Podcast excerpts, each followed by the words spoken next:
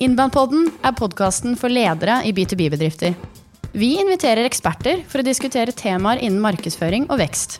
Podkasten ledes av meg selv, Camilla Tryggestad Wiesche, og Tor Magnus Kolflot i Inbound Group.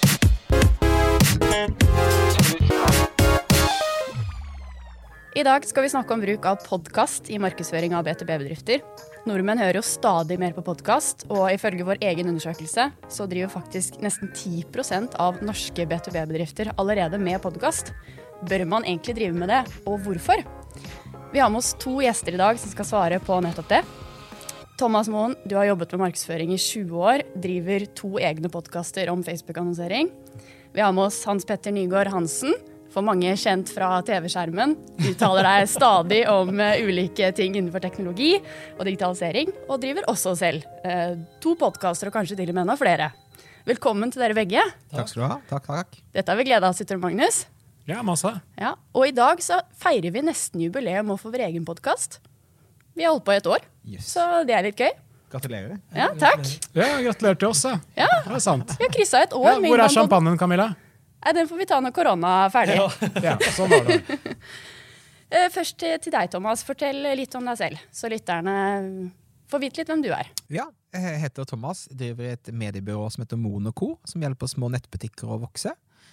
Eh, har podkastet egentlig siden 2007-2008, sånn av og på. Eh, mens akkurat nå så driver jeg Suksess med Facebook-annonsering-podkast, eh, som er veldig spisset mot Facebook-annonsering.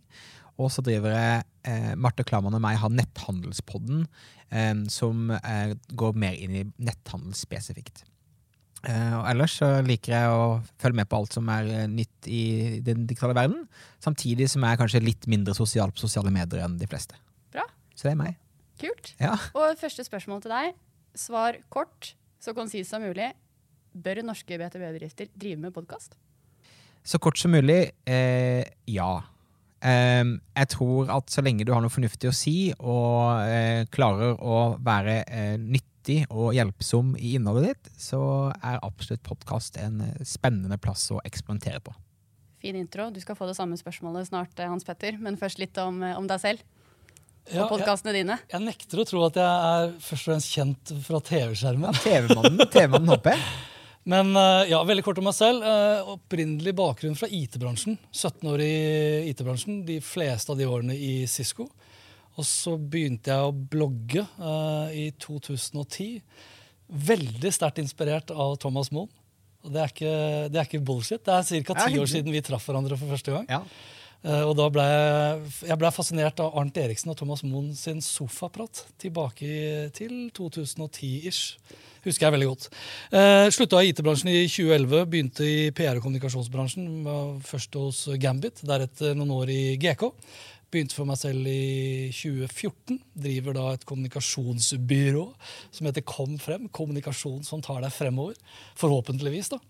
Eh, og så har jeg podda siden 2015. Eh, først da på Mediapuls sammen med Marius Carlsen fra Tromsø. Og de siste to årene så har jeg eh, podda aleine, Hans Petter og co. Og nå i år så har jeg vel uppa gamet kanskje mest av alt på video, og så bruker jeg en del av de YouTube-videoene inn i podkastsammenheng, hvor jeg da primært i skriftlig forstand og lydmessig og videoforstand eh, fokuserer på hvordan teknologi påvirker og endrer måten vi lever, leker, lærer og jobber på. Kort fortalt. Og kort fortalt, bør BTB-bedrifter drive med podkast? Eh, hvis jeg henger meg litt på det Thomas sier, så tror jeg veldig mange bør i hvert fall eksperimentere med det. Og hvorvidt de skal jobbe strategisk og aktivt med en podkast som en B2B-virksomhet, så tror jeg ville funnet ut om publikummet mitt, kundene mine eller eh, prospektene mine lytter på podkast.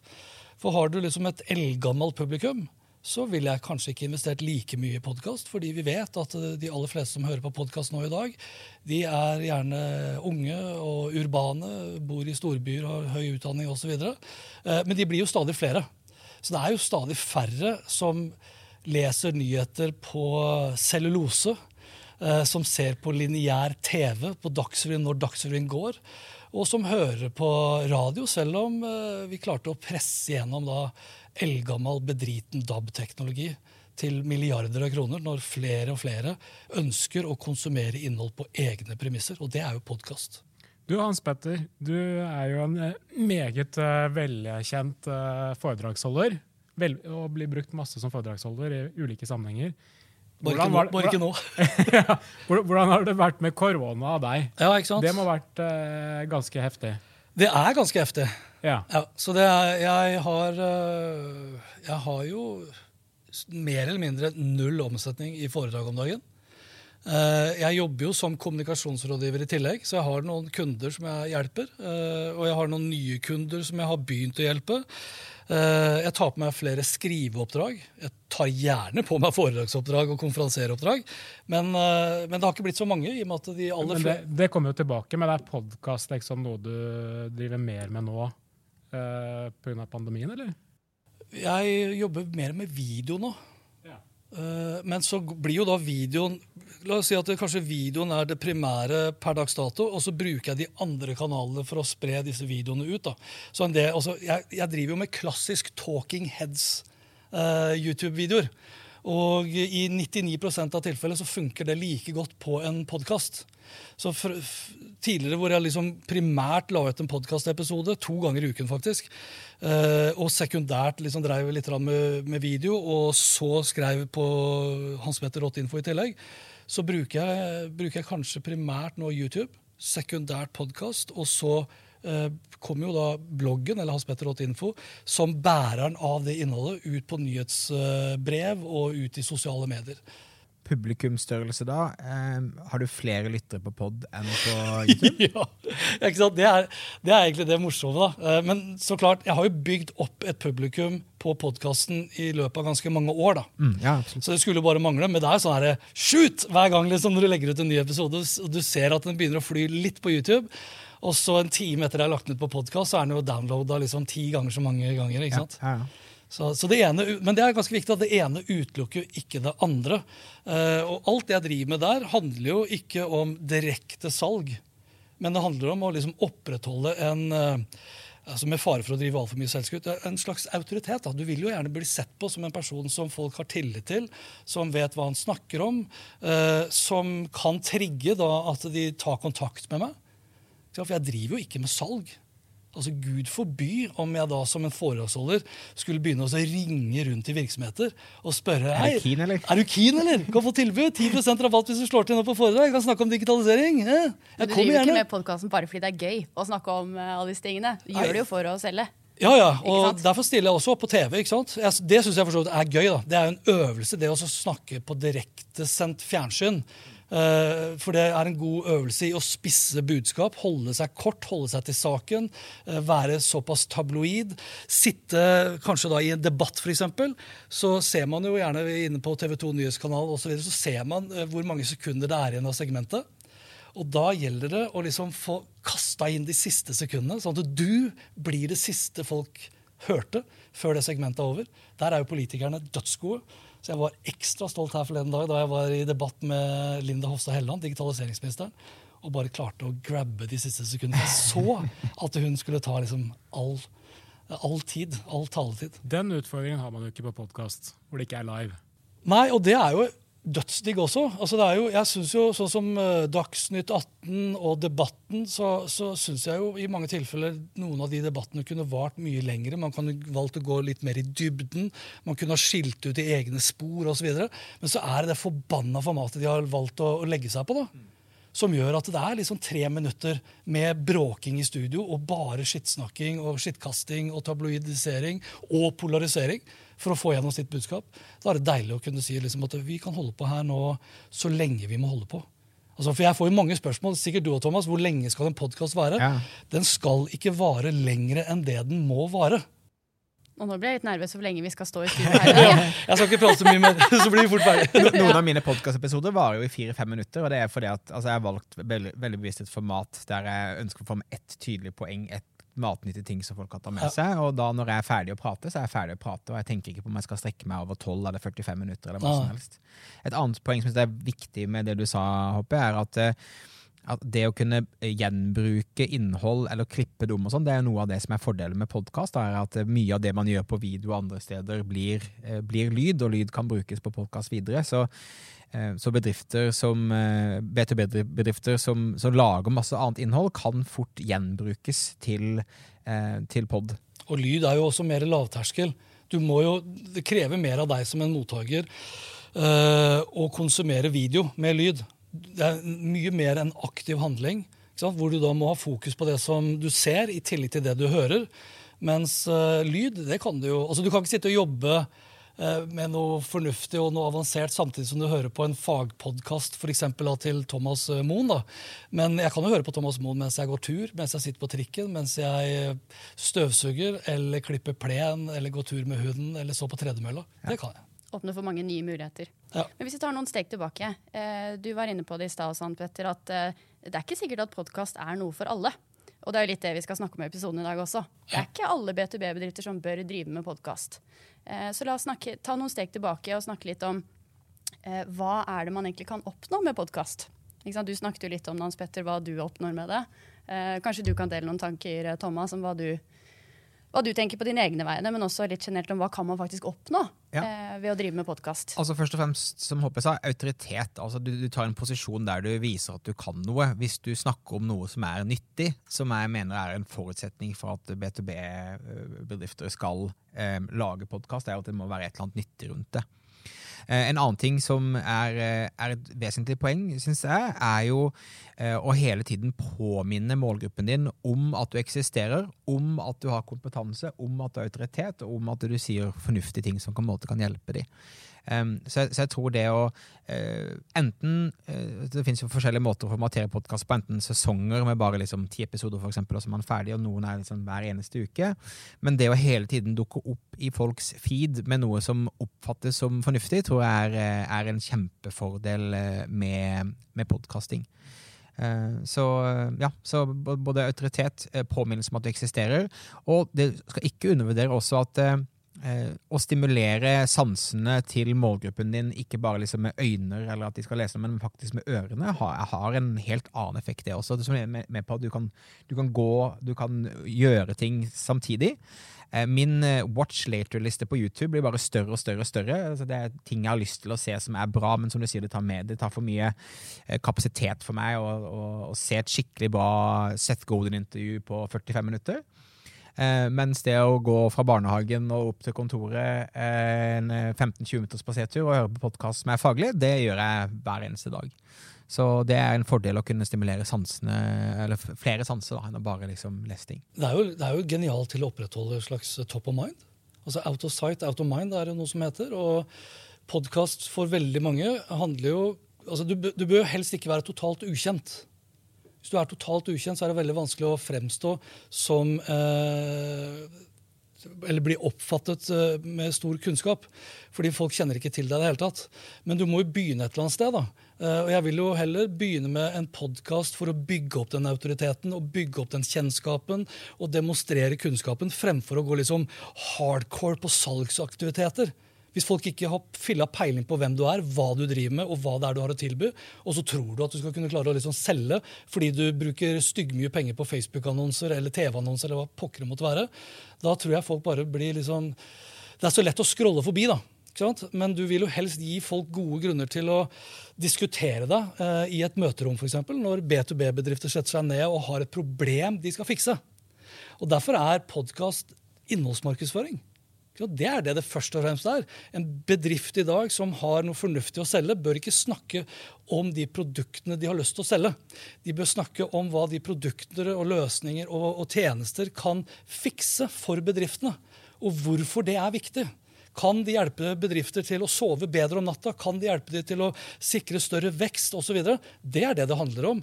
Det er, liksom, det er, jo følelsene eh, og tilliten som kan skapes da gjennom lyd. Da, i veldig stor grad. For det krever fader meg ikke at du setter deg ned og liksom aktivt leser heller. Du kan bare ta det innover deg. Eh, og så bare jeg prater om det, så får jeg gåsehud. det gjør hører... Tor Magnus også. Ja. Han fått stjerner i øynene. Så nå jo, skal Tor Magnus også få lov til å si noe her.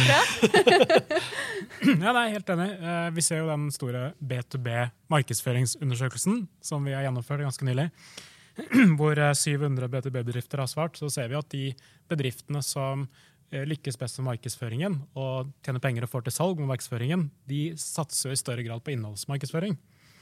Eh, og hvor eh, eh, av de igjen så er det jo flertallet som eh, blogger, med sikkert mest eh, tekst som, eh, eh, som virkemiddel på bloggen. Og så er det jo veldig mange, nesten halvparten, som driver med webinarer. Og så er det en god slump som de som gjør det best, så er det vel eh, ja, da er det mer enn eh, rundt 10% som driver med podkast, men den kommer litt etter der igjen.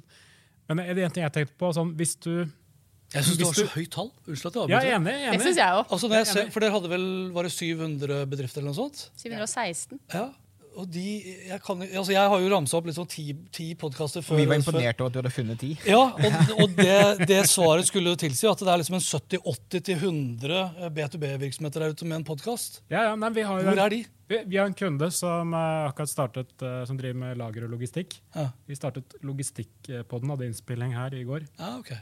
Kult. Så bare et eksempel som folk flest ikke kjenner til. da. Så det, det popper nok opp bare mer og mer av sånne mindre smale Og et viktig Podden, poeng også handler om at det, det er ikke nødvendigvis um, Du trenger ikke å gå på topplistene på, podcast, altså på, Nei, nei. på iTunes osv. for å eh, ha effekt av podkasten din. ikke sant? Så jeg tror jo det at sånne små totalt ukjente podkaster, men der kanskje målgruppen er kun kundene dine, og at nyhetsbrevet ditt er det som får kundene til å abonnere på podkasten osv. At eh, du har liksom eh, 17 lyttere i uka. Det kan være en supersuksess hvis du selger Ja, fordi 17 personer er så viktig å ha Ja. god kommunikasjon med. Ja, hvis det er lønnsomt over tid, da. Ja, ja. ja. de 17 kundene hører forbanna mye på den podkasten din, og du legger inn veldig mye arbeid i det, og du får ikke noe mer omsetning, så er det jo waste of time utover at du har liksom lært deg å podkaste, da. Men hvis du satser på innholdsmarkedsføring, du har en eh, fagblogg på nettsiden din, du driver kanskje litt webinarer innimellom, prøver deg litt på YouTube.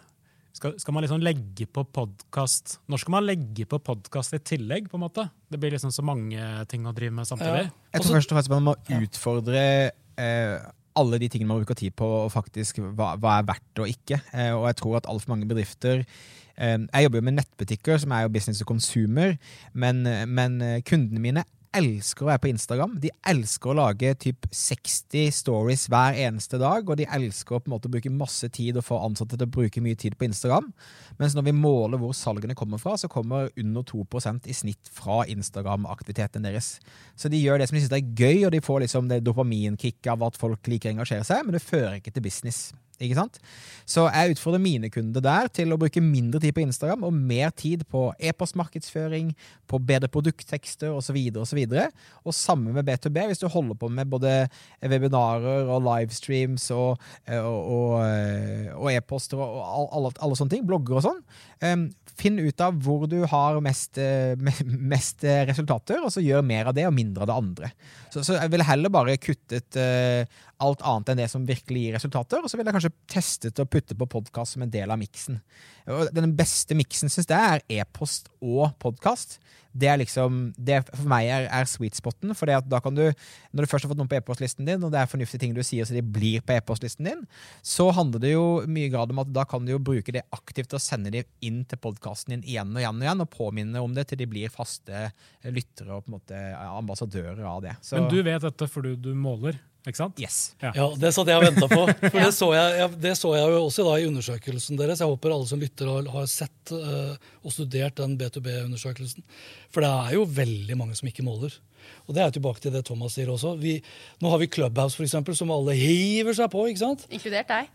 Ja, jeg har, jeg har vel ikke kasta Jo, jo, jo, jo, jo. for du gikk høyt ut om at du ikke var superfan, og så hver gang jeg er på Clubhouse, som er sånn én gang i uka, så sitter du Da er du inne i et eller annet rom. Jeg er inne for å, tenke, jeg er inne for å sjekke liksom, hva, hva for noe fornuftig er det som blir sagt her nå. Ja. Og så har jeg vært innom og kom kommentert et par ganger. Ja. Men jeg bare så det jeg har sagt, jeg var den første som lurte på om dette var en hype fordi vi mest av alt satt i husarrest. Det tror jeg fortsatt. Jeg tror det, eh, For det er det motsatte. Altså det, dette lineære det krever så forbaska mye. Eh, Men det jeg skulle, det jeg skulle fram til, var jo liksom Jeg, jeg tror vi, vi er så gira da, eh, på å eksperimentere med ting. Sånn at vi bruker nesten aldri nok tid til å perfeksjonere de kanalene som faktisk da funker. Så helt tilbake til starten av liksom, samtalen vår, når du spurte bør alle uh, begynne med, med podkast, så er jo spørsmålet liksom, hva er det de skal oppnå med det. Det er det viktigste. Hva skal vi oppnå med det her? Hva skal være fokuset? Skal vi inspirere? Skal vi drive med kunnskapsformidling? Skal vi skape liksom thought leadership? Skal vi generere leads? Skal vi drive reklame? Altså skal vi drive salg? Hva er det vi skal gjøre? Eh, og hvorfor skal vi gjøre det? Og måle hvorvidt det da lønner seg. Så bedrifter i dag bør kanskje i mye større grad tenke liksom 80-20. Bruk 20% av tiden din på å eksperimentere med nye kanaler, nye verktøy og nye tiltak osv. Men de 80 bør perfeksjoneres opp imot de utfordringene en bedrift har. Altså, Er bedriften for lite kjent? Har de for dårlige produkter? Har de for dårlige selgere? Bla, bla, bla, bla, bla. Alle tiltak en bedrift da skal drive med, skal jo støtte opp og forbedre de utfordringene. Hvis ikke så er det bare tut og kjør og gøy og morsomt, men det er fader meg ikke lønnsomt. Når ting ikke er lønnsomt, ja, så er det jo ulønnsomt. Ja, for Hvis du er litt usikker på hvem som er eh, på en måte idealkunden din, og litt usikker på hva, hvem denne kunden der ute egentlig bryr seg om, og hvem de er, så er det kanskje litt dumt å liksom trøkke til med podkast. Da burde du ikke gjøre en drit før du har funnet på det. jo, det er podcast, men altså, eller hva det er. Men, hva det er. De, de, aller fleste bedriftene driver jo allikevel på og, og blogger og herjer og så videre, selv om de kanskje ikke har Altså, De som ikke har identifisert hvem drømmekunden er, og hva du faktisk hjelper dem med, jeg tror de bruker altfor mye tid på, på social og marketing-ting istedenfor å liksom bestemme seg for hvem du vil du skal hjelpe. Og Det, det merker jeg sjøl for, for, oss også. Um, Eh, vi, eh, for eh, fire og et halvt år siden så fikk jeg inn en partner i vårt selskap som har vært helt fantastisk for oss, fordi han har vært veldig flink til å spisse oss og holde fokus på det vi skal holde fokus på. Og Det har også gjort at vi har hatt en helt fantastisk vekst i forhold til hva jeg har gjort tidligere, for da har jeg vært all over the place og gjort alt som har vært gøy.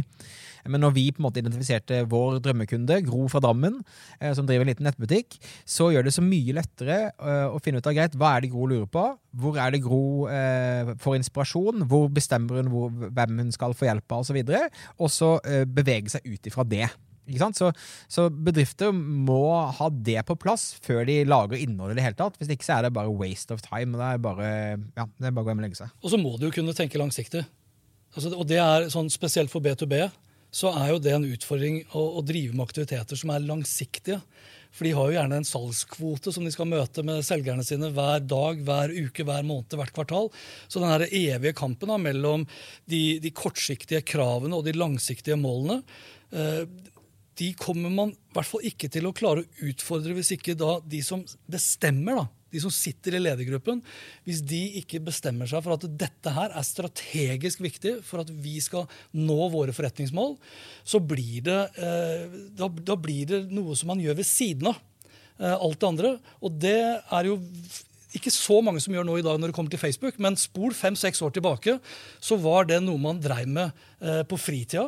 Eh, da kalte man det gjerne dugnadsånd, ikke sant? for du syntes det var så jævla gøy. Og så snakket man om denne fyrstikken, ikke sant? men den slukka til slutt.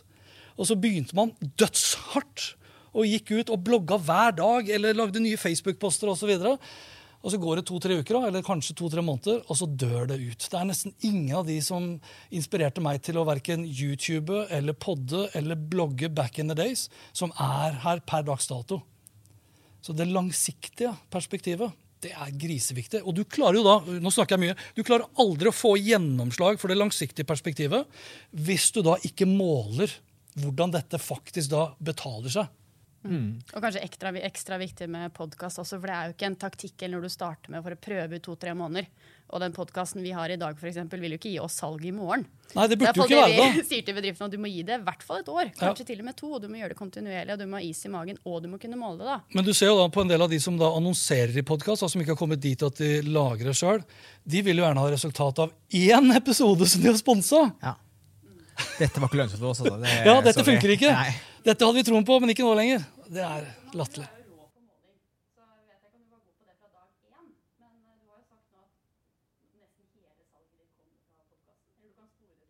Det stemmer. Så 70-80 eh, av salgene mine kommer altså det vil si at nettbutikker tar kontakt og spør om vi kan jobbe sammen.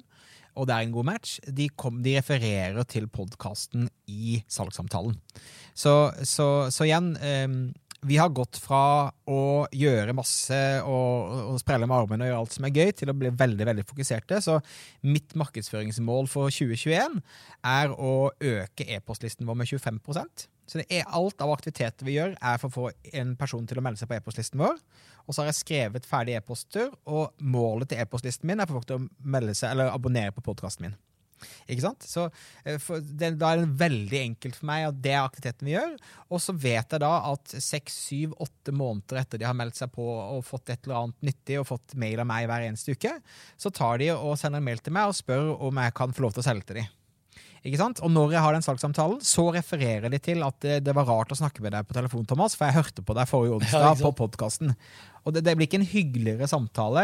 Og, og jeg, jeg, føler og ikke at jeg selger i det hele tatt. Det blir, det blir jo hyggeligere. Det blir ikke hyggeligere enn at noen, ja, eh, noen føler de kjenner deg, og liksom at det er en mer eh, vennskapelig tone. da, ikke sant? Hvor lang tid tok det før du kom dit, da? Jeg vil si Nei, det, det gikk ganske umiddelbart, på en måte, men jeg vil kanskje si at uh, Eh, første kunden for podkasten min kom kanskje andre måneden etter at jeg begynte med podkasting. Men nå har jeg vært veldig heldig, for jeg har vært veldig tidlig ute med mye av det jeg har gjort opp igjennom. Så mange, eh, når jeg gjør nye ting, eh, følger med på det og syns det er spennende å følge med på.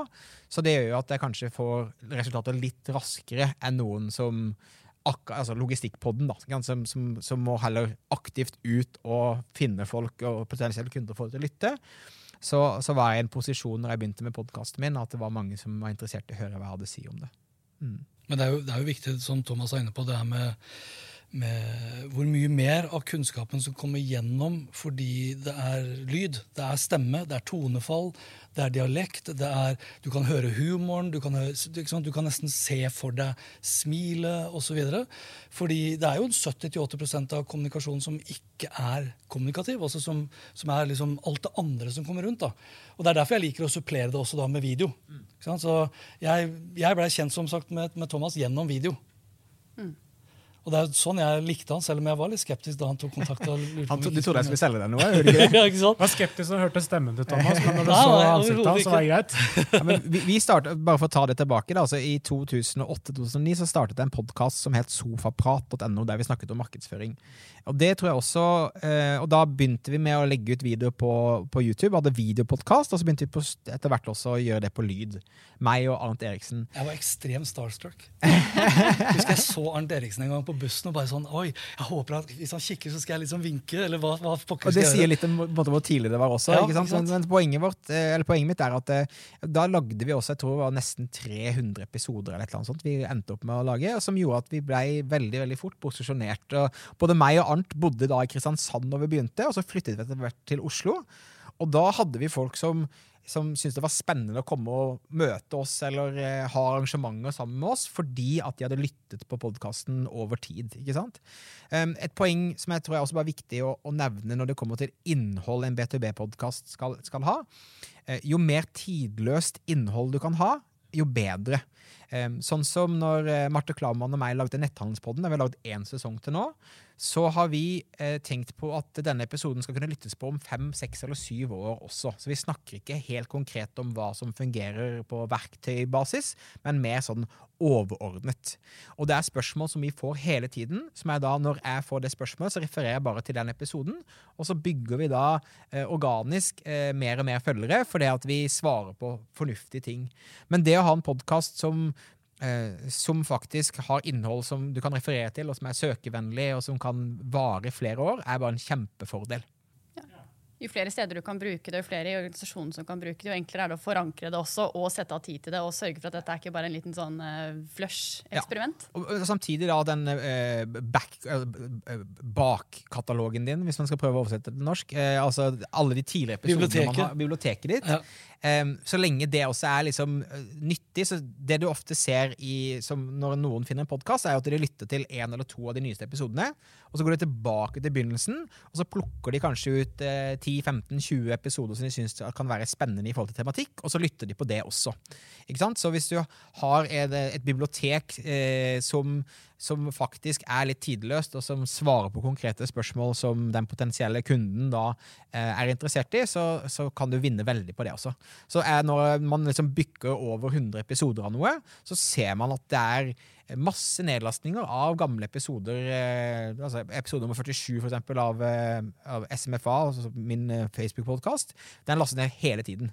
Så det er en kjempepopulært det er, derfor, det er derfor jeg mener også at du bør ta podkasten og gjøre den uh, om for til en YouTube-video, hvis det lar seg gjøre. Og for så vidt også bruke noe av teksten til å lage det om da, til en bloggpost.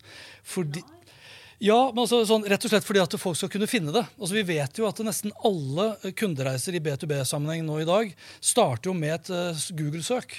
Og Det kan være administrerende som søker, det kan være regnskapsdirektøren som søker, det kan være de som jobber på salg, de som jobber på innovasjon, de som jobber på kundeservice. Gjør sine søk og gjør opp sine formeninger på en type topp tre shortlist ikke sant? når de skal diskutere hvem som er aktuelle eh, selskaper de kan samarbeide med. Og Da er det klart det er ganske gunstig da, når Google er den største søkemotoren og YouTube er den nest største søkemotoren. Hvis du da får indeksert den katalogen din det biblioteket ditt, så kan jo den podkasten vi spiller inn nå, når vi snakker om B2B-markedsføring, den er jo ikke bare aktuelt uh, i det øyeblikket den blir lagt ut. Den kan være aktuell i mange herrens år. For nettopp da å svare på en del av de spørsmålene bedrifter også kommer til å ha om et par år, om de burde podkaste. Nå ble jeg veldig glad, Camilla, fordi dette matcher jo litt av vår grunntanke bak eh, vår pod. Ja, ja. For eksempel eh, det vi snakker om ja, I dag snakker vi om podkast, men B2B-markedsføring, som vi spesialiserer oss på. Googler du det, du ligger i toppen. Der kommer vi til å lenke til denne episoden og liksom forstå den infrastrukturen, det nettverket da, av innholdet, og hvordan ting funker sammen. Mm. Og når det er få bedrifter i dag som podder, så er, jo, så er jo liksom trengselen er litt mindre. da, For å nå igjen gjennom til det publikummet du ønsker å nå. Om det da er lite, spiller jo ikke noen rolle. bare så lenge det er det rette publikummet. Det er liksom den her evige uh, volum versus verdi. Det er litt for mange som er opptatt av volum og burde vært mer opptatt av verdi. For det kommer til å drive volum. Ikke vice versa. Ja, fordi Thomas, Du nevnte noe med 300 episoder. Da tipper, altså jeg blir jo litt sånn svett av å tenke på det. da. En vanlig norsk eh, liten, mellomstor B2B bedrift. Skal han ha fireminuttersepisoder, minutters da? Ikke en halvtime? Ja, det var sånn, ja. Sånn okay. Jo, men, jo, skal man lage 304 ja, men altså, de, de, samme bedriftene har antakeligvis laget i hvert fall 300-400 pressemeldinger som nesten ingen medier gidder å plukke opp, og som nesten ingen folk gidder å lese. Fordi de bare handler om selvskryt fra den bedriften. Sier ingenting om hva den bedriften kan hjelpe til med, annet enn at uh, vi har omsatt for så og så mye, vi har ansatt, vi skal ta markedsandeler. Vi skal ta markedsandeler. Det er bullshit. Du må gjøre deg fortjent til det. Og det handler om tillit, og den tilliten er mye lettere å få gjennom mikrofon enn bare tastatur. Men hvor, hva, hvor mye kreves det, tenker dere? Hvor, hvor, mange episoder skal man lage? Hvor ofte, hvor, hvor, mye ressurser må man putte på dette? Egentlig? Hvor mange runder er det på Bislett? hvor langt er et tau? ja. um, du kan si um, Igjen, det handler om hva du skal oppnå, og hvem du skal kommunisere til. Um, sånn som, bare for å snakke om netthandelspodden igjen, da, som vi lagde, så bestemte vi oss for at vi lager én sesong til å begynne med, med ti episoder. Og de er gjennomtenkt og gjennomarbeidet, og vi ser at vi dukker både opp på søk, vi ser at vi dukker opp på våre egne e-postlister, og, og, at vi liksom vokser organisk bare på å ha lagd én sesong. Så, så, hvis du lager en, en, en, god guide for et eller annet, um, så kan det godt være at du kan faktisk ha god suksess av å bare lage ti episoder som ligger der, og, og, folk lytter på det, og man kan få noe ut av det. Og så kan man kanskje igjen måle effekten, og så ser man jøss, her får vi faktisk masse kunder, la oss lage en sesong to. Du trenger ikke å lage hver eneste uke. Um, hvis vi går tilbake til hvordan podkast i Norge ble populært, og kanskje egentlig i verden, Serial, som var en sånn um, eh, krimpodkast. Ja, sånn, eh. Kjempeomfattende, men det, det, var en historie som ble fortalt over 10-12 episoder. Um, og var ekstremt gjennomført, men det gjorde at folk liksom begynte å lytte og bli virkelig engasjert. Så du trenger, ikke, altså du trenger en opptaksmulighet. Jeg vet mange som lager podkast med å bare snakke inn i telefonen sin. Uh, ta opp uh, tale, tale, altså ta, taleopptak. Um, finne en eller annen eh, på Fiver eller Upwork som kan eh, putte på en eh, sexy lydsnutt osv., kan du sende vedkommende det, og så koster det 20 dollar å få produsert en podkast. Så det trenger ikke være mer rocket science enn det. Alt handler om hva du sier, og hva du ønsker å oppnå, og hvem det er som skal treffe det, rett og slett. Men det, det, det, tar jo tid Det tar jo tid å, å liksom produsere en ny episode hver uke, f.eks. Hvis du ja. legger deg på, det, på den frekvensen. Det, det, som det jeg opplever sjøl, det, det, er jo mindre krevende å ha en podkast hvor to stykker prater med hverandre over et uh, definert tema, sånn som vi gjør nå da, når vi er fire, enn det er å være da aleine og skal liksom ha et manus og produsere det og redigere det osv. Da er det fort et, uh, bruker fort en dag på en episode da. Uh, og når du er ferdig å spille inn og ferdig å redigere, så har jo egentlig bare jobben starta. Da. For da skal du få det ut, du skal liksom få spredd det, du skal få skapt engasjement, du skal kunne følge opp det engasjementet. Og så skal du begynne på en ny episode. Så det er, det er litt, sånn, litt, sånn, blogging, egentlig. Du går heller ned i frekvens til å begynne med. Tenk på at dette er et maratonløp og ikke 100 meter sprint. liksom, og Så kan du heller jekke deg litt opp etter hvert som uh, Audacity-redigeringen din sitter på fingerspissen, og det er kjempelett å få ansatte i selskapet til å bli med på nye episoder, og du ser at det flyr. da. Mm.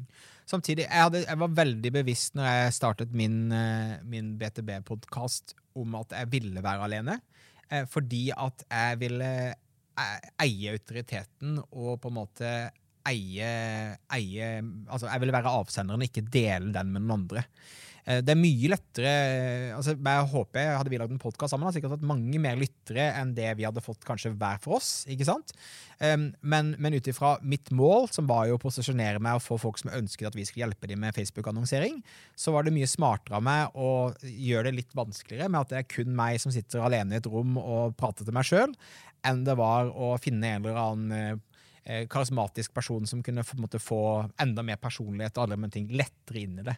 Så du må jo også tenke over altså, Igjen tilbake til strategien din og hva er målsetningen din. så er liksom eh, er det best at du kan hvor som helst sitte og prate med deg sjøl og, og, mene noe, eller er det bedre sånn som dere har gjort med, med deres podkast, f.eks., å ta inn, ta inn gjester eller bare sitte og mene noe sammen? Så det, det, kommer veldig an på hva du ønsker at det skal være. Mm. Så man kan gjøre mye ut av det, lite ut av det, men at man må satse og sette av tid, det er det ingen tvil om. Ja, så la oss gå litt, eh, litt, videre. Vi kan stå her og prate om dette i flere yes. timer. Og jeg vet at Hans Petter har en avtale om å rekke etter hvert. Men eh, apropos litt det ganske få B2B-bedrifter som driver med podkast i dag. Statistikken fra undersøkelsen vår viser 10 Kanskje er det for mye. Hvem vet. Men eh, jeg vet at du har forberedt noen eksempler Hans Petter, på noen gode B2B-bedrifter podkaster. Det er mange B2C-podkaster her ute, og ser du på topplista, så er det mange som kjenner igjen de. Men hvis noen vil titte på gode eksempler som kanskje de kan relatere seg litt mer til, ja. i form av B2B-bedrifter som gjør det, har du noen du vil trekke fram? Ja, ja, da må vi jo trekke fram de vi deler scenen med her nå, da. vi kan jo begynne med dere sjøl. Det er jo en ren B2B. Uh, og vi kan fortsette da med Thomas. Uh, Thomas Moen og suksess med Facebook-annonsering. Det, det, er jo ikke til forbrukeren. Uh, Deloitte er en annen podkast som jeg ofte lytter til. Markedsføringspodden med Even og husker jeg ikke etter den andre navnet. Det er to stykker. Fra Inmeta. er det? Inevo. Inevo, sorry. Ja, Den er god. Den, den er også veldig bra. Oslo Business Forum Gud forby at vi liksom glemmer å ta med, ta med de. Eh, og de har jo også flere sånne arvtakere. Altså de er jo involvert da med Athea, f.eks., teknologi og mennesker, med Christian Brostad. De er jo også godt uh, involvert nå med en ganske fersk podkast med Huawei, blant annet. Eller Huawei, som vi sier ja, her i Norge. Du uttalte Huawei riktig, du, ja, faktisk. Ja. Altså selv, selv, Huawei Norge bruker Huawei fordi det er så himla få i Norge som, eh, som husker hvordan det skal uttales. Pressebodden det er også, liksom B2B er jo så mangt, men det er da innenfor mediene. Norske Mediepodden er en annen. Eivind og Even heter de i markedsføringspodden. Skifter, Tinius Talk uh, har jeg nevnt. Eller har jeg tatt med på oversikten her? Jeg tok med ti, ti stykk som jeg mener er liksom gode uh, eksempler, og forskjellige eksempler. Noen er talking heads à la Thomas, andre er mer intervjusetting.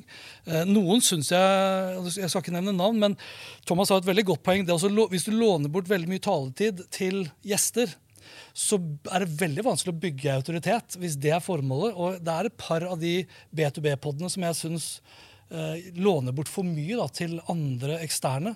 Sånn at jeg sitter ikke igjen med en følelse av at dette selskapet her vet virkelig godt hva det er de snakker om. Det eneste de vet, er at Apropos de det, så får en Du holder litt kjeft nå. Ja. jeg kjenner litt på nå at du liksom delvis kritiserer jo, men Vi fire er jo enige om alt som blir sagt her allikevel. Så vi, jeg føler at Thomas og jeg er egentlig bare med her for å kunne liksom underbygge og bekrefte det dere holder på med. Ja, takk for den. takk for den. Men, My save. Hvis vi tenker på en helt vanlig norsk B2B-bedrift, uh, la oss si uh, litt advokatkontor. Og så har du en konkurrent som er større enn deg, som allerede har noe som heter Advokatpodden f.eks. Er det da noe vits, liksom? Og det er jo nesten, det er jo nesten det samme som å si at hvis det fins et annet advokatkontor, er det noe vits å starte et nytt advokatkontor? Ja. Det er jo akkurat det samme. Men de har tatt det liksom gullnavnet, da. Advokatpodden. Ja, Det, det handler jo egentlig da om å, nisje seg ned. ikke sant? Ja. Jeg, tror jo det at eh, eh, advokatpodden vil være veldig veldig generelt, og du vil kanskje høre på én episode som er det problemet du akkurat har. Men hvis du nisjer deg ned på Skilsmissepodden. Da er det ingen tvil om hva du driver med som en advokat. Ikke sant? ja, for eksempel. Da har du nisja deg ned. Ja, ja, veldig. M&A-podden eller noe sånt. Ja, Ja. ja. Eh, Så, så, så, så jeg tror jo det, det Jeg tror alt Jeg er veldig overrasket over at ikke er mer rene for Facebook-annonseringspodkaster i Norge. Eh, Det er ingen som tør. Nei, men, men det, det er jo masse plass til det, og da kanskje bare, kanskje bare for de som Online-kurs, da, for eksempel. Altså, hvordan annonserer du for online-kurs? Det er en kjempemarked som man kan for eksempel godt nisjet ned til. Så jeg tror det handler om å eh, ikke tenke på at eh, shit, de her er så flinke, eller de har, eh, de har tatt drømmenavn osv., men nisje seg ned. Og så handler det ikke igjen om å havne på disse topplistene, men det handler om å posisjonere seg til kunder og potensielle kunder. Så det er helt irrelevant om noen har en eh, podkast med masse flere nedlastinger enn deg. Hvis du har eh, nok folk som lytter, som er interessert i å kjøpe ting fra deg, eller kjøpe mer av deg, så er jo det alt som trengs. Så min ambisjon når jeg startet eh, smfa.no, som er podkasten min, altså suksess med Facebook-annonsering, det var at jeg ønsket å ha 100 lyttere i, eh, i uka. Så Hvis jeg kan få 100 bedrifter til å lytte på stemmen min i ti minutter hver uke, så er det en superwin. Det er dødsbra. Um, så, så, kan- så det trenger ikke å være høye tall. Det kan være 10-20-50 mennesker som lytter. Det spiller ikke noen rolle. Um, Det er jo veldig, det er jo veldig sånn word of mouth. Ja. Altså, Og særlig hvis du har en veldig spisset podkast som er veldig spisset i tematikken, Ja. så blir det jo fortsatt at de som gidder da å høre på, de er sannsynligvis veldig målgruppa di. Ja, ja. Og har høy verdi, da. ja, ja. Ja, ikke sant? I hvert fall de som da kommer tilbake uke etter uke. Da skjønner du jo at eh, for dem så oppleves dette verdiøkende. Og, nå, og vi er jo litt sånn at når vi opplever noe som er verdiøkende, som vi syns er bra, så har vi en tendens til å snakke om det til andre. Og, og liksom word of mouth når det kommer til podkast, er veldig høy. Det, den er ekstremt høy. Eh, samtidig så er jo også kunnskapen om podkast fortsatt begrensa. Jeg, bare nevne det, for jeg, jeg, jeg skrev en artikkel som heter da 'Hva er en podkast?' Yes. for tre år siden. Ja. For tre år siden. Og det er fortsatt fra måned til måned. Så er det minst topp tre. Snakk om det her med artikler som varer over tid. Ja. Det er fortsatt en av mine mest leste eh, bloggposter. Og jeg var sånn tilfeldigvis innom på det tidspunktet hvor God morgen Norge begynte å bable om Av og til så drar inn noen folk som sitter og prater om favorittpodkaster osv. Og, så og da kunne jeg se på Google Analytics at trafikken inn på min nettside på hva er en podkast, økte. Blir tittelen på denne episoden 'Hva er en podkast'? eller? Jeg vet ikke om jeg tør det nå, for da må jeg jo konkurrere med han der, som har den autoriteten. B2B-podkast. Ja. Eh, altså, de, Der har du. dere har jo allerede Det er jo sikret deg det. når, på. når noen lurer en business to business vurderer med å lage podkast, så søker de på det, og der dukker dere opp. Så dere har allerede vunnet. Eller så, eller så tar du den Thomas-tilnærmingen, og det er da 'Slik lykkes du med en B2B-podkast'. Ja. Det er jo det du Ja, ja. Ja. For da har du bestemt at dette er, dette er formelen, det vi kommer med nå. Ja. Jeg har, eh, du har Hva er en podkast? Jeg har Hva er Instagram? Som da var helt sinnssykt med sånn trafikk i, i veldig mange år. Eh, og bare et godt poeng da. Da hadde ikke jeg tenkt veldig på hvem er målgruppen min, eller hva ønsker jeg å oppnå. Så jeg fikk jo masse gratistrafikk som var helt verdiløs. Ikke sant? Så det handler jo om at eh, Sånn som vi er inne på med hva denne podkastepisoden her skal hete. altså du, må, du må finne noe som faktisk eh, løser et problem, eller dytter folk videre i forhold til å få inn that uh, traffic juice. Vi må begynne å runde av, dessverre. Jeg skal la dere, dere skal få en siste anledning til å svare på spørsmålet hva er det dere vil at folk skal sitte igjen med? Prøv å oppsummere litt. Starte med deg, kanskje, Hans Petter. Etter Hva, denne episoden her, eller? ja, etter denne episoden her. Hva vil du at lytterne skal sitte igjen med? liksom Key takeaways fra, fra deg. Altså, De som hører på det her, de har jo antageligvis abonnert på Inbound-poden fra før av. da. Eh, Ikke alle, men noen. Nei, mens, men mange av de i hvert fall har antakeligvis gjort det. Eh, samtidig så har nesten ingen en podkast fra før av. Så mitt største ønske må jo være at de kanskje er enda mer nysgjerrig på det å starte opp en podkast. At de begynner å eksperimentere litt eh, for egen hånd. Men først og fremst så må de jo da klare da, å overbevise ledelsen at dette er noe faktisk å bruke litt tid på, sånn at det blir et strategisk initiativ på et eller annet tidspunkt, og ikke bare gøy og morsomt.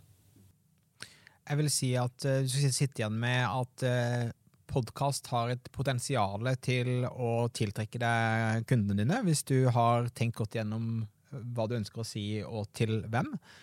Eh, og at du har hatt et bevisst valg i forhold til at du ikke bare er overalt og mener og sier det samme, men du er der kunden din er til enhver tid. Så liksom heller kutt ned livesendingene dine på Instagram og vurdere en podkast enn en å liksom eh, legge på enda en ting som folk kan, eh, kan følge med på. Eh, og, og, og, nummer to er, handler om at prøv å lage så tidløst og nyttig innhold som mulig, som du, du, kan referere til, og som folk klarer å finne, sånn at eh, podkasten du lager i dag, kan gi deg potensielle kunder om noen år også.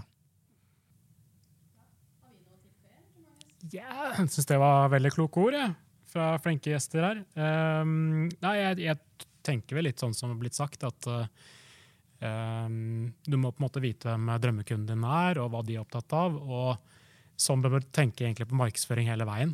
Uavhengig om det er eh, bloggtekstartikler eller podkast eller hva det er for noe. Og jeg synes Det hørtes veldig smart ut med å tenke liksom en sesong med en gang, som du nevnte, Thomas. Og tenke liksom planlegge flere episoder og gjenbruke innhold og sånn.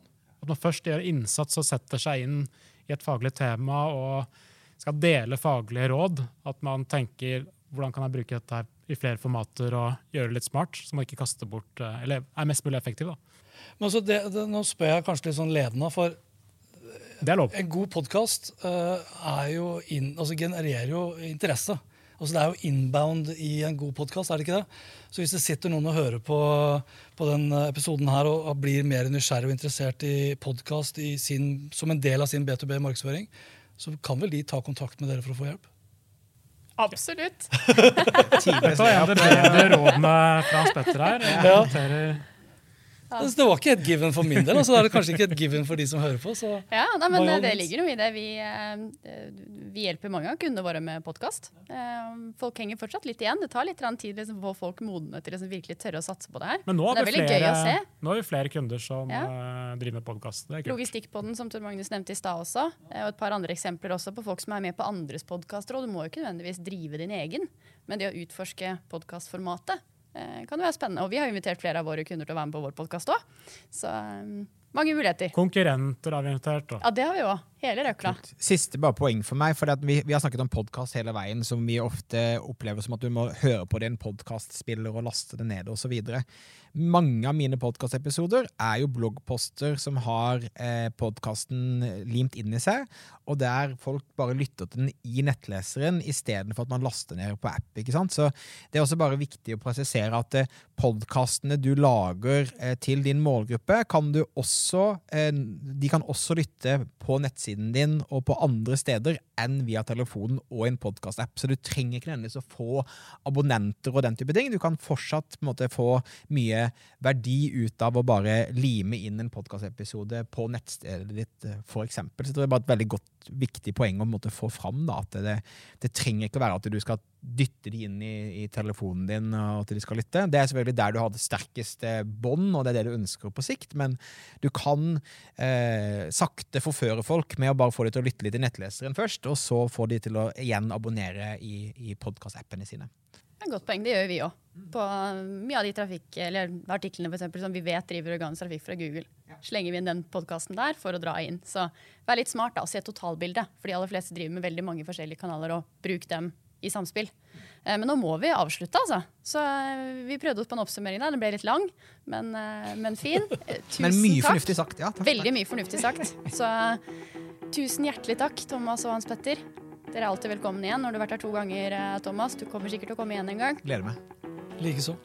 Veldig hyggelig å være her.